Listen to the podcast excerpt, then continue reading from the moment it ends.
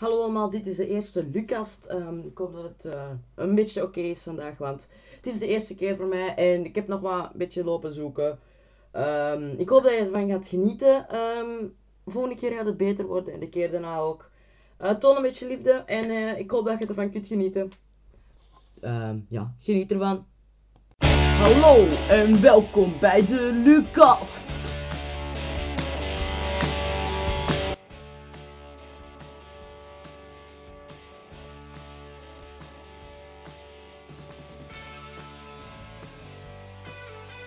Eerste keer voor mij en uh, ik heb vandaag een fantastische gast, denk ik. Uh, hallo? Hey Lucas. Hallo, um, ik heb al uh, direct een paar vraagjes voor u. Um, ten eerste, waarom zo er voor Beerschot? Dat is een, eh, dat is een goede vraag. Um, dat is eigenlijk begonnen door ons papa. Die ging zelf, die is opgegroeid op Kiel in de Boskestraat. En die ging zelf vanaf het hem klein was kijken en die heeft mij meegenomen naar een beerschot vanaf dat ik vijf jaar was. Um, wij hebben ook altijd achter de hoek gewoond van een beerschot, dus dat zat er van in het begin in. Ik shotte zelf ook heel graag. En, uh, beerschot was, was elke keer ambiance zeker? Dat was elke keer ambiance, ja. Dus, Als je dan uh, zo dicht bij een beerschot woont, kun je natuurlijk al wat gemakkelijker al de sfeer opmerken nog voordat de match is begonnen. Dat klopt, dat klopt. Want als dat op zaterdagavond was bijvoorbeeld, dan uh, hoorden wij het lawaai en dan zagen wij de lichten. En dan zat ik met mijn broer door de raam te kijken naar de lichten. Je kon natuurlijk niks zien van de match of, van het geluid horen, maar je kon de lichten zien. En op zondagnamiddag mochten we dan af en toe mee, want dat was nog niet te laat voor te gaan slapen. Amai, dat was wel plezant zeker dan. Zo ja, dicht bij de beerschot wonen. Absoluut, dat waren topdagen. Alleen voor te parkeren hoorde ik mijn moeder en vader altijd wel klagen dat ze op tijd moesten thuis zijn, maar dat was nog niet mijn probleem. Als het niet uw eigen probleem is, is het altijd nog oké. Okay. Voilà, voilà, voilà. En um, wat was uw eerste match? Mijn eerste match, dat was, um, ja, dat was ik vijf jaar. Ja, dat was thuis tegen Kermt, een ploeg uh, in de buurt van Hassel. Dat was toen derde klasse nog, denk ik. En dan, uh, in mijn herinnering zijn we toen gewonnen, maar dat kan ook aan mij liggen. Ik ben niet meer zeker. Ik kan me vooral. Ja, ja, tuurlijk. Ik dacht vooral dat je hebt gewonnen in Salite. Ja, ja, ja, dat is zo, dat is zo. We waren zeker beter, maar dat vind ik nogal dikwijls dus. ja. En de meest memorabele match voor u, wat was dat? De meest memorabele match, dat is een moeilijke, want ik heb er wel een... Het is moeilijk kiezen. Um, de, de bekermatch thuis tegen Racing Genk, de kwartfinale. Dat was de, de terugmatch. En dan komen we, dan komen we 1-0 achter en we hadden in Genk 1-1 gespeeld. Dus eigenlijk lagen we eruit. En het was denk ik minuut 88, 89, 90. Technisch uh, gezien al verloren dus. We lagen eruit, maar we waren heel de tweede helft uh, de kooi van Jan Mons aan het bombarderen. Jan Mons stond toen in de goal bij Genk. Um, tot ja, ergens op laatste Jurgen Cavins die een onwaarschijnlijke goal maakt. Die zijn eigen vrijkapt en hem binnendraait. Die, dat vergeet ik nooit meer. Die ontploffing toen was wel waanzinnig. Ja, toen, toen wonnen we eigenlijk de beker al. Toen was de finale eigenlijk al binnen. Fantastisch. Zo'n herinneringen moet je koesteren. Doe ik. En heb je ook de finale dan gezien? Of? Ja, we zijn ook naar de al geweest. Uh, met de bus. Ja, in 2005. 28 mei 2005. Ik weet het nog goed. Dat was echt uh, ongelooflijk een dag. Wij kwamen aan, veel te veel voor de match al. En dat was een heel zone voorzien aan het atomium voor de Beerschot supporters. En dat was een paarse zee. Ik heb dat nog nooit gezien. Dat was echt... Magistraal. Ja, dat moeten we echt dringend uh, nog eens fixen, want dat was echt een max. Dat fixen we wel. Meteen. ja, die zullen ons graag helpen. Ja. We werven die aan. Ja. Als jij een basis zelf mocht kiezen, all-time, van Dirk Goossens tot Rick Koppes of Losada, wie zou daar dan zeker in moeten zitten? Drietal spelers. Ja, ik heb natuurlijk uh, de echte Beerschot Corifee van vroeger nooit zien spelen, maar ik zal Rick Koppes er altijd in zetten. Gewoon al voor wat het betekent voor de naam en voor de club Beerschot. Dat is uh, al veel, hè. Ja, maar een doelman, dat is denk ik sowieso Luciano da Silva. Dat is bij mijn papa ook. Ja, dat was ook een doelman bij de finale. Ja, die had toch iets met zijn nieren of met zijn ribben, denk ik. Ja, die had iets met zijn ribben, een gebroken rib bleek achteraf. En die heeft zich laten behandelen en platspuiten en intapen, zodat hij toch maar kon spelen. En die speelde een fantastische match daar ook. Dat was een keeper die had alles. En die, uh, ja, die, die, had een hart voor het publiek, die had show, maar die was ook goed. Die had, ja, een komt terug, denk ik, allee toch in het bestuur, denk ik. Dat zou goed nieuws zijn, dat wist ik zelf nog niet. Ja, dat ik zou... daar zoiets van op opgevangen, maar um, ik ga me er niet op vastpinnen.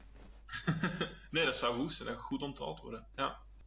Losada zit ik er ook altijd in. Hernan Losada, die, die een paar periodes bij ons geweest, maar ook waar dat hem dan in zijn laatste sportieve periode nog heeft gepresteerd en ons terug tot in 1B gebracht, zelf nog meegedaan.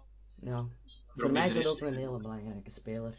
Ik denk dat ik dat jaar, ik ben denk ik in 2015, 16, denk ik dat, dat mijn eerste beerschotjaar toch wel was, ben ik uh, denk ik met een verjaardagsfeestje dat ik zelf had gedaan, wou ik naar de beerschot gaan. En die heeft daar toen een fantastische wedstrijd gespeeld. Dat is Ja. voor mij toch wel van, ja dat echt al van, ja dit is een topploeg. Niet wetend dat we ergens in derde, derde klas rondgingen. Dat Voor mij was dat niet nodig. Tuurlijk. Ik denk dat ik tegen um, Zaventem was, dat, was die wedstrijd, denk ik. Ja, dat was een memorabele wedstrijd voor mij. Omdat dat toch wel, dat was, je komt daar binnen in het stadion en ja, dat is fa- fantastisch hè. Je komt binnen, Zij je voelt je direct. van dat stadion. Ja. Ik had toen ook een shirtje aan. ja, Losada, dat is een publiekspeler. hè. Dat is, Ja. daar is er een soort van. Ik heb zelfs hier een tenuke aan. Ik zal Hola, ja. Gesigneerd en al, zelfs van Losada. Amai. Ja, Dat is waardevol. Dat is... eh, Het, samen met het van Mboko, ook, dat was ehm, voor die Young Unidit, juist, ja. met die veiling hebben wij ook gewonnen, dus twee top, top mij. Ja, dat is om te koesteren. Daar heb je gelijk in, amai. Die is eh, handtekening gekregen door, eh, een- mijn papa had een verhuis geregeld voor hem. Dat is, eh, dat is plezant. Dat is een leuke anekdote, ja. Goed. Dat was zelfs nog fout gelopen en al, dat moest op een verhuis geregeld worden, dat tenuke moest mee, maar dat is niet meegegaan. Allee, het is eigenlijk allemaal goed gekomen. Voilà, voilà, voilà. Oh, vraagje. Wat vind je ervan dat ehm, de spelers van Beerschot naar de Antwerp vertrekken? Zoals eh, De Dekker, Faris Haroun. Ja, dat is, eh, ik, ik begrijp dat er in de voetbalwereld veel belangen spelen en centen. En die mannen moeten ook zeker zijn van hun, van hun pre en van hun carrière en hun contract.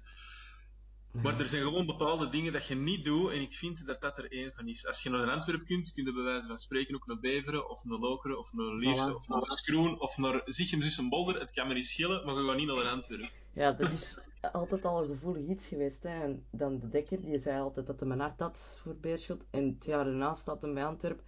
Hart voor Antwerp. Tunuken in zijn handen. Ja, ja. Zo mensen die, die hun embleem kussen en die zeggen en Van vieren met Zijl. hun hand op hun embleem en zo. Van Zijr Je was ook zo. voorzichtig mee zijn. Ja. Je pakt de nummer 13 en daarna vertrekt je naar de ploeg waar dat op dat moment niemand van houdt. En ook nog met nummer 13, embleem Ja. kussen. Faris Haroun, dat is natuurlijk een beetje anders. Dat we die net nog tussenstops. En die, ja, die heeft een periode gehad bij ons, maar die was nu ook niet zo de beerschotman. Maar de Dekker was er wel met de bekerwinst en met de moeilijke periode dat we gingen zakken. Die is nog op de fandag geweest, toen dat we eigenlijk dood en begraven waren. Dus de nieuwe start van, van Beerschot Wilrijk, die fandag ervoor, dat was hij ook. Dan was hij ook aan het vertellen dat hem, eh, dat hem het zo erg vond en dat hem een Beerschotman was. En dan bleek dat achteraf toch echt dikke kul impactjes, om het op zijn Antwerps te zeggen. En dat vind Ja. ik wel moeilijker. Dat is toch wel eh, een... Ja, maar je doet zoiets ook niet. Als je een hart hebt voor een club, je kunt eff- even ergens anders naartoe gaan. Er zijn zoveel clubs. De, de Klopt. Zit daar nu nog ergens nog steeds in het bestuur, denk ik zelfs. Maar het is dubbel, hè, want een van mijn lievelingsspelers nu is absoluut Joren Dom. Alleen al voor deze een inzet. En die heeft gewoon de omgekeerde beweging gemaakt. En eigenlijk heb je die vrij snel in de armen gesloten door deze mentaliteit. Ja, die had nog nooit een kaart gehad en als hij dan een kaart pakt, ligt het wel aan de scheidsrechter, maar... Dat was trouwens ook een memorabele match. Ja, dat we daar aan het... ik- wij- Ik had zelf, ik zat in het stadion en ik wou al bekend terug vertrekken. Ik had echt van, komt toch nooit goed. Klopt. Holshouser trapt hij dan nog ergens in de pin. Uniek moment. dat was de, de eerste keer dit seizoen dat ik een hamburger was gaan halen voordat het gedaan werd. Ja, Die goal gemist zich. dat moet Dus zuur zijn. nog nog een Antwerp, dat is eh, een no-go. Ja, Dat vind ik te moeilijk. als jij dan nu ergens vertrekt. Ja, wat denkt je? Gaan we naar Arena? Eh, ik denk dat het goed zou zijn als die match gespeeld wordt, omdat er anders weer zoveel rechtszaken gaan volgen en zoveel ehm, onrechtvaardigheidsgevoel gaat heersen. Want een Westerlo dat ineens zou promoveren, dat is echt te belachelijk voor woorden. En gaan we dat halen? Dat hangt er een beetje vanaf hoe gek het wordt op de transfermarkt. Want Ja. eh, Leu- het budget van Leuven is, is wel in staat om gekke dingen te doen. Ja, maar die King Power, hè. Die zit Ja. erbij. Maar nee, wij hebben een van Sheffield, hè, maar ja. Maar als Leicester City ergens van boven eindigt in Europees voetbal speelt, krijgen die sowieso al een pre die van King Power. Dus die denken, we gaan die even eh, helpen. Want natuurlijk, als je in 1A zit, zo'n ehm, manager of zo'n eigenaar, die gaat niet zeggen, ja, pff, dat is dat ploegje van België. Die gaat dat toch, denk ik, wel iets voor doen. Mm. Ik denk als we nu die terugmatch gaan spelen, dat we 0-3 voorstaan met de rust. En dat Van Ifte eh, wenend naar de parking loopt. Ik zou, ik zou er vertekenen. Maar niet, Nee, nee. Maar heel die ploeg weg. Maar die hebben al een probleem, hè. Ja, die hebben een probleem. Er zijn er veel dat eigenlijk niet meer speelgerechtigd. Alleen hun contract is afgelopen. Dus die zullen veel transfers moeten doen. Ofwel eh, echt een heel slechte ploeg opstellen. Dus ja, die moeten nog wel wat puzzelen. Maar, Maar die zullen klaar zijn. Ze, hè? Die, maar ik die hoop niet- vooral dat er geen forfait tevoorschijn komt, want dan zijn we geflirt, hè. Want forfait is gewoon Westerlo, hè. Ja, maar zelfs dan...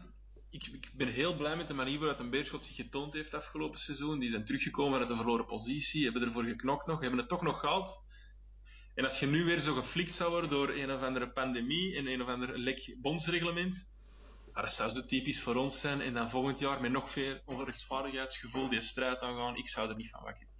Nee. Ik denk 1A moet kunnen en wij kunnen winnen van Leuven. Maar als dat nu terug misloopt, dan, dan gaan we volgend jaar gewoon echt terug iedereen opvreten in MB. Ja. Ja, het is toch wel iets, toch allemaal wel iets raar, hè, met, met Bond, Bas. Dat was eh, Alexander Maas schorsen voor de terugmatch tegen Cerkelen. Dat was door Oh. ineens, ineens eh, het reglement aan te passen en toch ergens in de week op, of op een zaterdag te vergaderen. Dat was heel bizar. Dan kreeg je daar een penalty tegen. Dan is het verhaal van de keukens. Hoe noemen ze weer? Mechelen. Dat is echt een verschrikkelijk verhaal. Ja. En nu dit jaar met, met die tegengoal op Virton, die match mag dan toch gespeeld worden En uiteindelijk uiteindelijk. spelen we hem dan niet. Nee, Het is allemaal zo raar. En dan zijn er twee finalisten, maar het is te moeilijk om te laten spelen. Dus dan kiezen we gewoon voor iemand random. Dus Westerlo mag overgaan. Ja. Een speciale voetbalbond van België. Ja, maar, allee, als ik er mag geloven hoe dat nu allemaal zit, ja, die van ehm Waasland Bever, die winnen, dan, want Bas keurt toch alles goed. Dus dan eh, zitten we met 18 ploegen, dan mogen die ook over, voilà. Ja, het is een beetje speciaal. Er zou terug wat structuur en wat, eh, wat eerlijkheid in mogen sluipen. Want Maar het is ooit goed geweest, hè. Het is lastig om te geloven, maar het is ooit oké geweest. ja, dat zal voor mijn tijd geweest zijn dan. Ik heb het gehoord dat het ooit goed is geweest. Ja, toen spraken de dinosaurussen zelfs nog, denk ik. Dat was een dinosaurus in een pakje van een Antwerpen of in een beerschot. Het zal zoiets geweest zijn. Ja, het is toch allemaal iets raar, hè. We weten ook niet hoe dat we het nu moeten zien, hè. Want, allee, zijn we nu naar 1A, zijn we nu, zitten we nu toch in 1B, twee ploegen die het moeten kopen, maar we weten niet wat we moeten kopen, want, allee, we kunnen even goed zoals vorig jaar. Ja, Ah, we, we, lenen Jim, eh, we verko- verkopen Jimmy de Jonge, want die gaat toch niet mee kunnen scoren, eh, mee kunnen spelen. We verkopen Tom van Ifte, want die kan toch niet mee in 1A. En dan zitten we nu terug in 1B. We hebben eigenlijk een ploeg voor 1A, maar die presteren in de eerste helft toch al niet. Dus, allee, we weten niet hoe dat we het moeten aanpakken, denk ik. Het is onwaarschijnlijk, want die terugmatch dat is ook ja, een paar dagen voor de start van de nieuwe competitie. Dus eh, voor hetzelfde geld moet je een week later naar Anderlecht. Ofwel kun je naar, naar Deinze rijden voor daar te gaan knoeften. Dus dat is echt ongezien. Maar ja, dat is, eh, hoe dat je als speler daarmee omgaat, dat is mij ook een raadsel. Want spelers die nog onder contract liggen, die moeten nu zich wat in conditie houden. En die zullen wel bijna terug aan het trainen zijn. Maar waar spelen die binnen twee maanden? Dat lijkt me toch niet onbelangrijk. Ook voor die verdere carrière, voor die loon, voor ehm, bij welke ploeg. Ja. Ja, het is, het is eigenlijk een heel rare competitie geweest. dat mogen we wel stellen, ja. Dat lijkt me niet overdreven. binnen zoveel jaar, weet je nog, toen, Het jaar van de corona, weet je nog hoe, hoe zot het dat was? niet, niet voor die ziekte, maar voor de voetbal. ja, die ziekte is binnen zoveel jaar al normaal, dat die rondzweeft. Zoiets, ja. Ja. Hoe zou jij een topwedstrijd omschrijven? Wat is voor u echt een wedstrijd die fantastisch zou zijn? Ehm, eerst en vooral toch wel uh, een goed gevuld uh, stadion. Dat is altijd super plezant, die atmosfeer dat er dan hangt. Gewoon, dat mag ijskoud zijn, het mag de zon zijn, het mag regenen, dat maakt me niet uit. Alle omstandigheden zijn goed, maar gewoon veel volk. Um, en dan, ja, liefst eigenlijk een nat veld, tackles, rode kaarten, een grimmige sfeer. Een hele slechte arbiter moet er voor mij ook bij zijn. Maar dat is niet moeilijk. Ja, hm, ja, zo wat grote gemiste kansen, een tegengoal, zo wat, zo, dat onrechtvaardigheidsgevoel en een hele grimmige sfeer op het veld. En uiteindelijk toch met die drie punten afsluiten en dan onwaarschijnlijk vieren achteraf. Ik vind dat stiekem altijd wel plezant als die echt slecht is. Dan kunnen ze echt ouderwets erop zagen. Ik vind dat het erbij hoort. Dat hoort erbij, maar ja. Die wedstrijd zelf denkt je, waarom? En weer al. Ja, dat moeten we gewoon weer. Dat zal voor de rest van ons leven zijn als Beerschot supporter. Uh. Mm, ja. Wat vind jij dat een echte goede training is voor zo'n speler? Bijvoorbeeld nu, in deze situatie. Wat zou jij zeggen als coach, zo moeten gaan trainen nu? Ja, dat is uh, heel moeilijk, maar aan de andere kant, als coach heb je wel tijd gehad om. Ik zou het redelijk individueel aanpakken. Dus je spelers op hun, op, hun, uh, op hun werkpunten heel hard laten trainen. Die hebben eigenlijk alle mogelijkheden om, om alleen zich te versterken. Qua, al is het qua conditie, de andere qua spiermassa, qua traptechniek. Die kunnen gerust uh, een stukje van het complex krijgen om zich te focussen. Pak Nubissi, die kan gerust 60, 70, 80 keer per, uh, per training naar de goal shotten geeft je een reservekeeper, die kunnen anderhalve meter afstand houden. Ik zou dat heel individueel aanpakken voorlopig, zodat die allemaal tijd hebben om aan zichzelf te werken. Nu, een paar weken voor de match moeten we wel bijeenkomen en terug matchgericht beginnen trainen in groep. Maar zo die periode die nu gaande is en die net voorbij is, hoop ik dat ze zich ten volle hebben kunnen focussen op zichzelf. En afhankelijk van wat uw zwaktes zijn, um, vooral daarop gewerkt. Ja, dat vind ik een goeie. We bellen Losada subiet. Ja, nog zo een. Losada. Vinden dat de man om ons naar top playoffs. Eh. Goed. Die is nu begonnen, die doet dat heel goed voorlopig, want dat is een start. Maar natuurlijk, dat is een beginnende trainer die als je op korte termijn hoge ambities zou hebben, dus binnen twee, drie seizoenen play-off 1, ja, dan denk ik dat je wel op zijn limieten gaat botsen misschien. Maar ik zou die volgend jaar nog zeker houden voor 1A ga ik vanuit. Als dat 1B is, ook goed.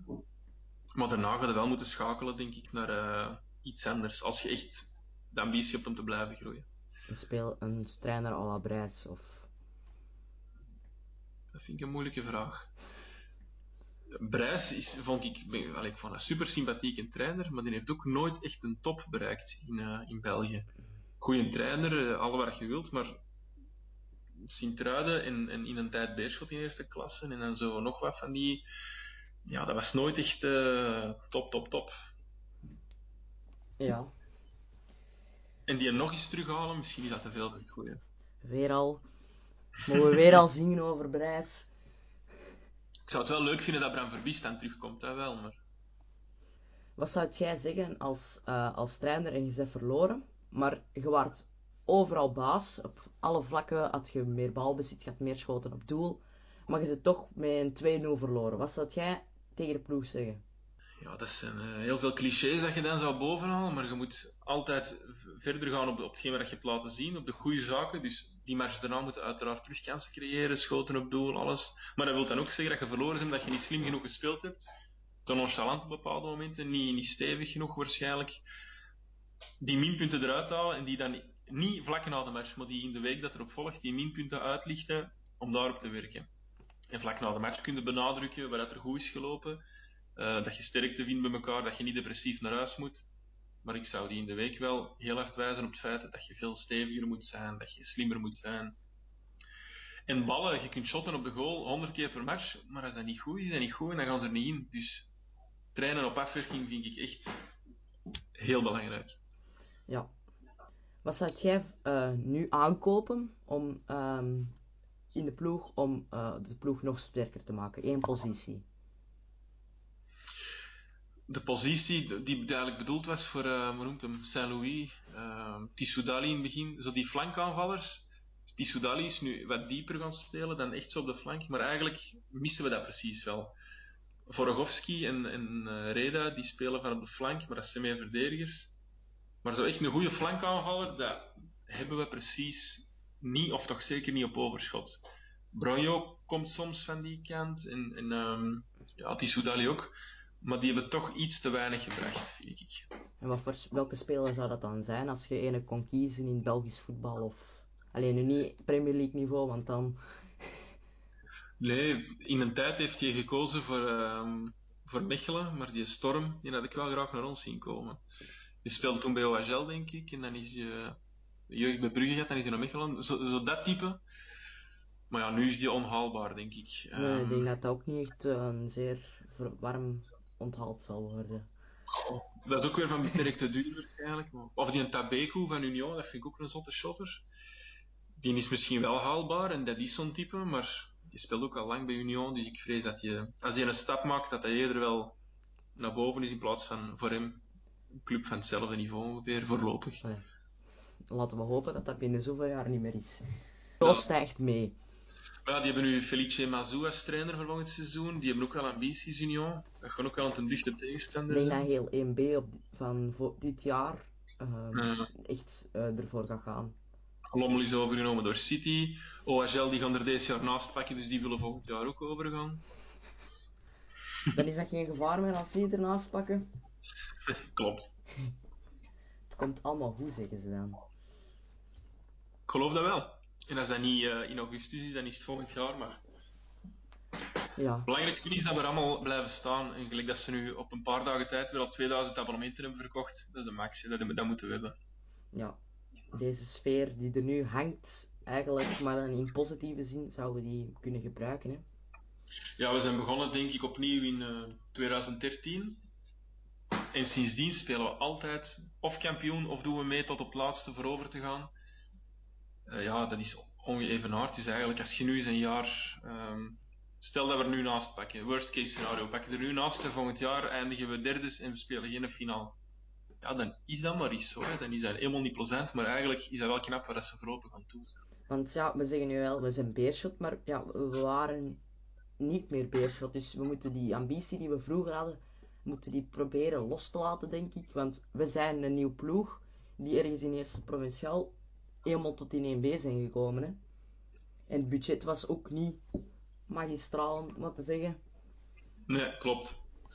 Nee, het is bouwen, hè. blijven bouwen, maar we zijn er bekend. Ja, we zijn er bekend. Maar ja, het moet ook eens een keer meezitten door de bond. Dat zou aangenaam zijn, ja. Dat dat realistisch is om te denken dat die gaan beginnen meewerken, dat weet ik niet, maar... Maar ja, wat vind jij ervan dat ze hebben gezegd zelfs tegen de ploegen van ja, ja maar dat is concurrentie, hè. Ik zou maar toch maar voor die 500.000 gaan, of... Ja, dat zijn mafioze praktijken, hè. Dat is toch, dat is echt crimineel, dat is ongezien, dat zie je nergens in Europa en hier laten die grote ploegen dat ook maar gewoon door hun strot remmen. Dat is echt... Ja, ik versta er niks van, maar ik zal daar niet slim genoeg voor zijn, gelukkig. Maar dat is echt ongelooflijk crapuleus, vind ik dat. Maar dan zeggen ze dat een Beerschot supporter graag in de slachtofferrol kruipt of overdrijft. Maar als je alles een beetje nuchter beziet, dan is dat aan geen ene normale mens uit te leggen, denk ik. Dat denk ik ook.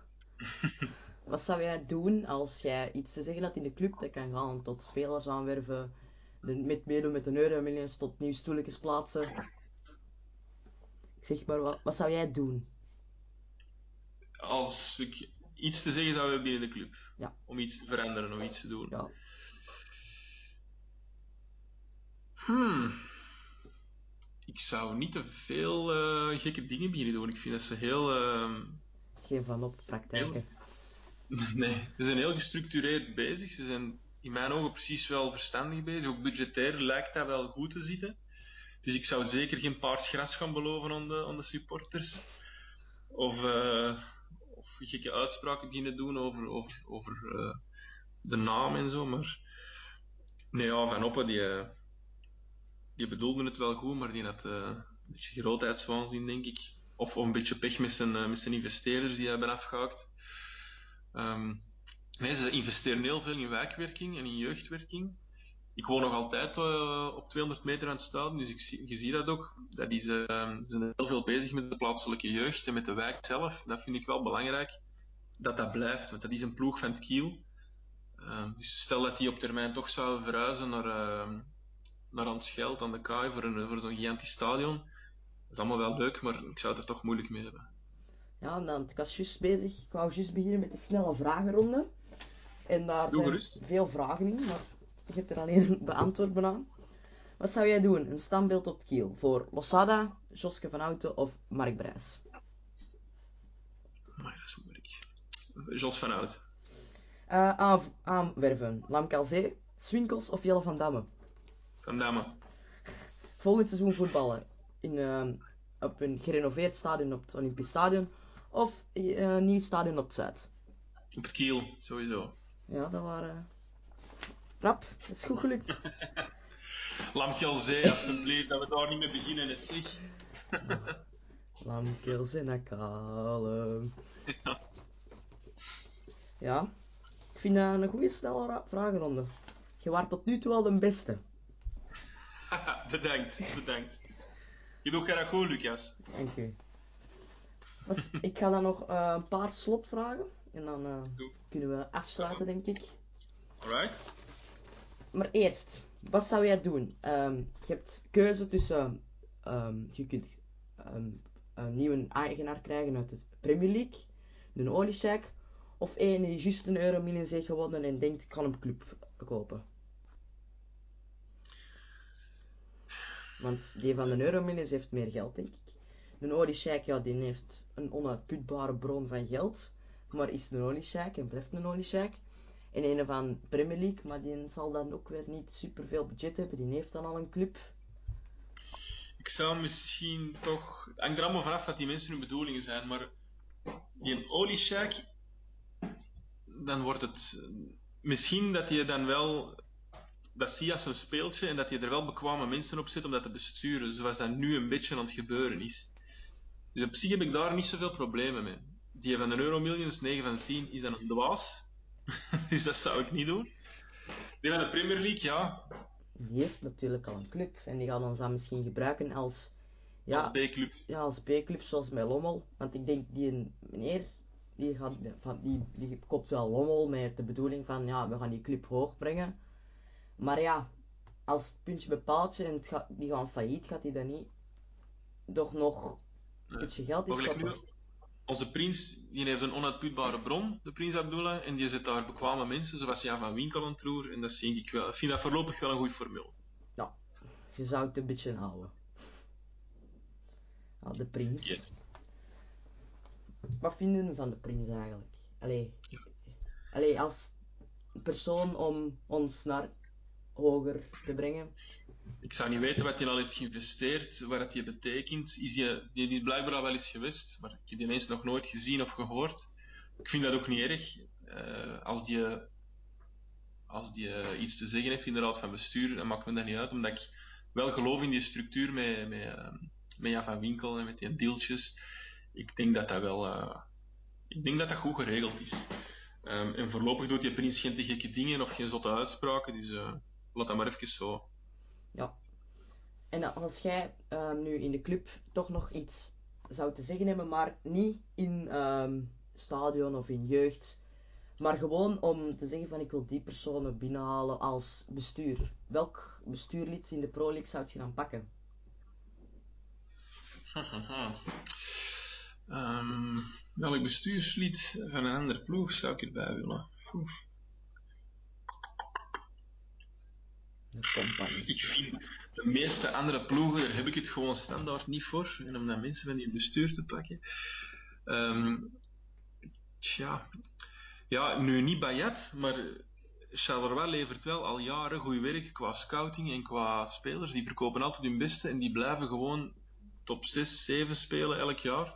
Dus ik denk dat daar toch wel bekwame mensen zitten. En niet Dus een Bayat, maar Ik denk zelfs dat de, de vader van onze Bronjo, Dante Bronjo, dat die, eh, dat die daar ergens iets mee te maken heeft. Dus ja, iemand van de scoutingcel van Charleroi, dan zou ik zo iemand ik pakken. zou die van de Dolby pakken, denk ik. Die van de keukens bij KV Mechelen. Ja. Er mogen nog zo goede mensen zijn, daar moet ik niks van hebben. Zo een, een vacature, fixer. Ja. Wie wil er fixer worden? Het is wel niet zo'n stabiele eh, bron om eh, geld mee te verdienen, maar het is een goede job. Ja, Je verdient één Absoluut. jaar en daarna moet aan het bas. Ja, ik denk dat dat het zo al wel was. Bedankt. alright. Zijn je tevreden? Ik denk dat ik tevreden ben. Allee, dat is goed. Dan gaan we hier toch vijf minuten kunnen uithalen.